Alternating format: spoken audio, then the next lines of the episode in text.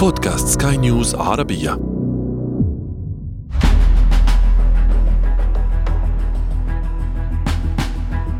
في عام 2017 حذر الرئيس الروسي فلاديمير بوتين من أن البشرية يمكن أن تنتج قريبا شيئا أسوأ بكثير من القنبلة النووية.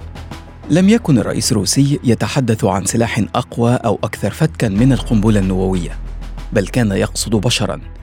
قد يكونون بالفعل أسوأ من الأسلحة المدمرة الأخرى. تحدث بوتين عن جنود معدلين وراثيا يقل لديهم الشعور بالألم ولا يشعرون بالخوف ويتمتعون بشراسة هائلة تمكنهم من سحق أعدائهم.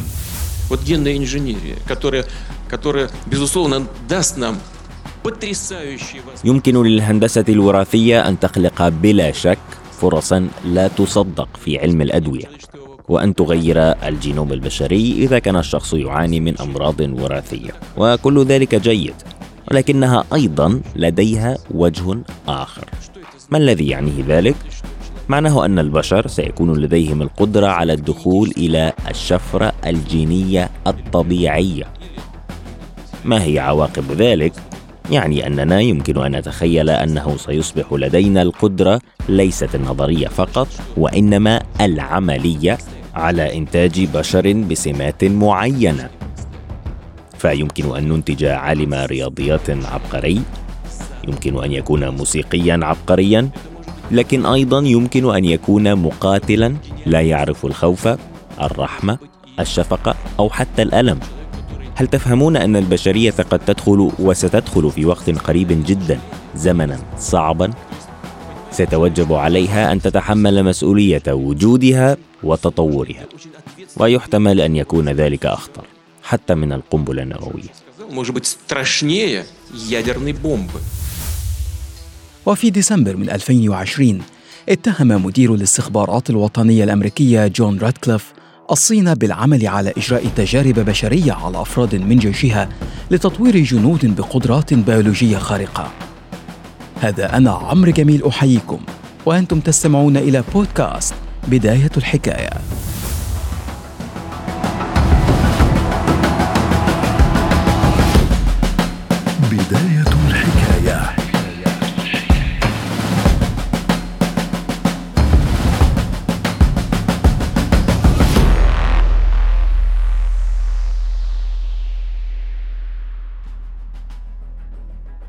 في الأول من سبتمبر من عام 1939 اندلعت الحرب العالمية الثانية حينما غزا الألمان بقيادة أدولف هتلر بولندا.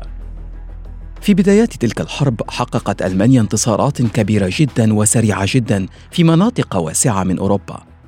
فاجأ الجنود الألمان أعداءهم بشراسة وقوة غير طبيعية في المعارك التي خاضوها، حتى إن القوات النازية لقبت بالجيش الذي لا ينام ولا يتعب لقوتهم الجبارة.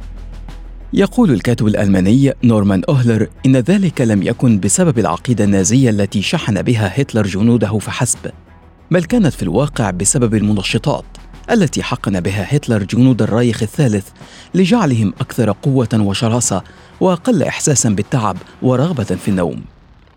الكتاب الذي أصدره أوهلر في 2016 استنادا للأرشيف الوطني الألماني أوضح فيه أن ألمانيا النازية خاضت الحرب العالمية الثانية تحت تأثير المخدرات.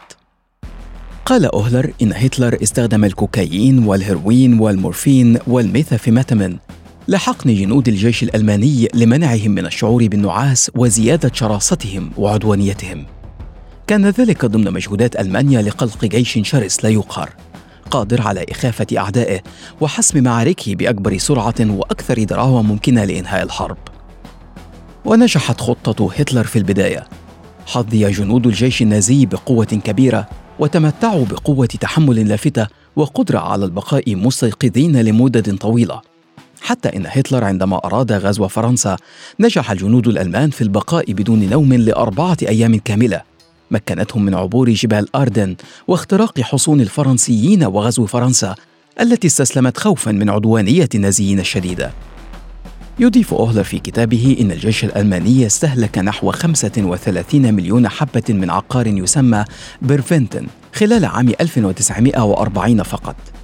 لكن اللافت أن هتلر الذي كان بحاجة إلى رفع إنتاجية بلاده ليتمكن من إمداد جيشه بما يلزمه قرر إدخال البيرفيتين إلى صناعة الحلويات والشوكولاتة ونصح شعبه بتناولها للتمكن من أداء عملهم على أكمل وجه.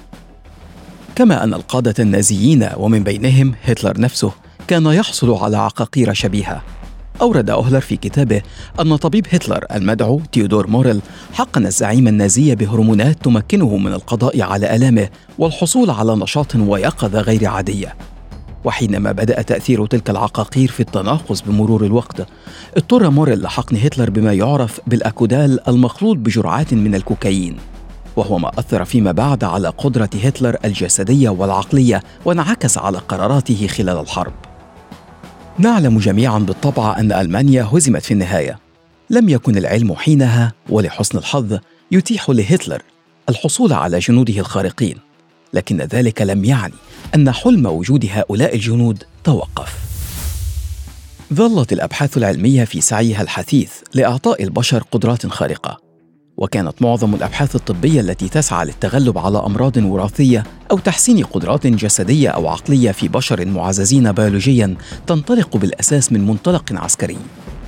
مارس العلماء تجارب بعضها غاية في الغرابة وبعضها شديد القسوة للوصول إلى ذلك الهدف.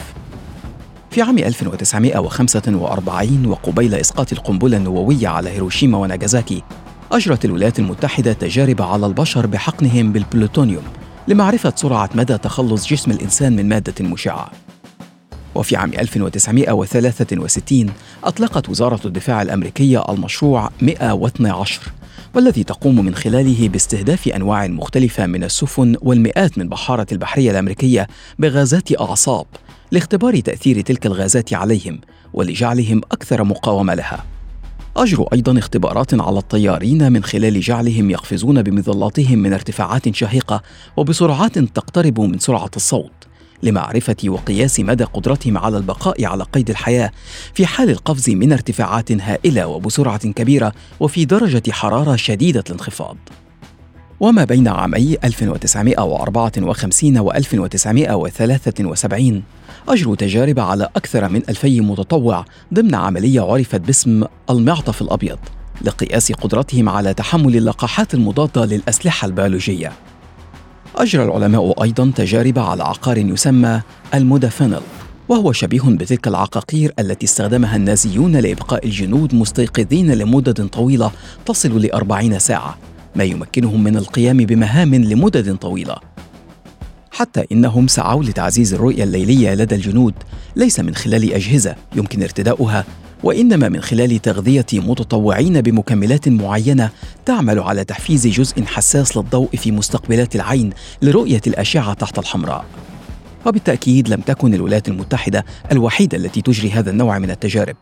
كما أن التقدم العلمي جعل الباحثين في دول مختلفة يفكرون في طرق التوصل لهؤلاء الجنود الخارقين.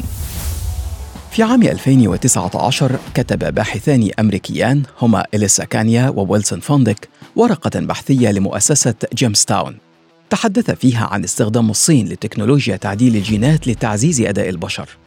قال الباحثان إن الصين تستخدم تقنية تعرف باسم كريسبر وهي تقنية لعلاج الأمراض الوراثية وتعديل النباتات لخلق بشر معززين بيولوجيا ذوي قدرات خارقة. وفي ديسمبر 2020 تحولت تلك الترجيحات إلى اتهام صريح من جانب مدير الاستخبارات الوطنية الأمريكية جون راتكليف للصين بتشكيل أكبر تهديد للديمقراطية والحرية في العالم منذ الحرب العالمية الثانية. حذر راتكليف من أن بكين أجرت تجارب بشرية على أعضاء جيش التحرير الشعبي الصيني على أمل تطوير جنود بقدرات معززة بيولوجيا. بالطبع ردت الصين برفض هذه الاتهامات واعتبارها دليلا على عقلية الحرب الباردة التي تسيطر على الولايات المتحدة لكن ذلك لم يوقف الاتهامات ضدها. ولكن كما قلت لكم فإن الصين ليست الوحيدة التي تجري مثل تلك الأبحاث. ففي فرنسا منحت لجنة عسكرية لأخلاقيات علم الأحياء الإذن للجيش الفرنسي لتحسين وتطوير القدرات البدنية والمعرفية والإدراكية والنفسية للجنود الفرنسيين. بحسب الإعلان الفرنسي فإن تلك الأبحاث ستعمل على منح الجنود قدرة غير عادية لمقاومة الألم أو التوتر أو الإرهاق أو الرغبة في النوم. لكن تم تقييد الموافقة الفرنسية بعدم تعارض تلك التجارب مع الحالة الإنسانية الأساسية للجنود أو إجرائها بغير رغبتهم.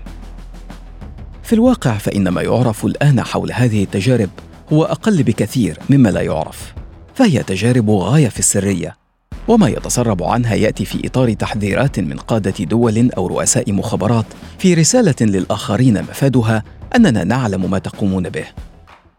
يحذر العلماء من مغبة ما يحدث. ليس فقط من الجانب الأخلاقي الذي لا يتيح التلاعب بجينات البشر والتدخل في شفرتهم الوراثية فقط وإنما أيضا من المصير الذي سننتهي إليه لو أصبح هؤلاء الجنود حقيقة واقعة. كيف سيتعاملون مع المدنيين الأضعف منهم إن لم يكن لديهم التعاطف البشري؟ كيف سيتعاملون حتى مع زملائهم بدون تلك العاطفة؟ ماذا سيكون دورهم بعد انتهاء خدمتهم في الجيش؟ شهدت وتشهد الحروب التي عرفها العالم عنفا وقتلا واغتصابا وفظائع دونها التاريخ. تجاوز فيها البشر كثيرا فطرتهم البشرية وتحولوا لمخلوقات عنيفة دموية. وحدث كل ذلك بلا تعديل وراثي ولا قدرات بيولوجية معززة. ربما يكون ما حذر منه بوتين هو حقيقة يجب إدراكها قبل فوات الأوان. أن وجود جنود معززين بيولوجيا قد يمنح جيوشا أفضلية على غيرها في الحروب. لكنه قد يكون البداية لعصر يفقد فيه البشر بشريتهم حربا وسلما.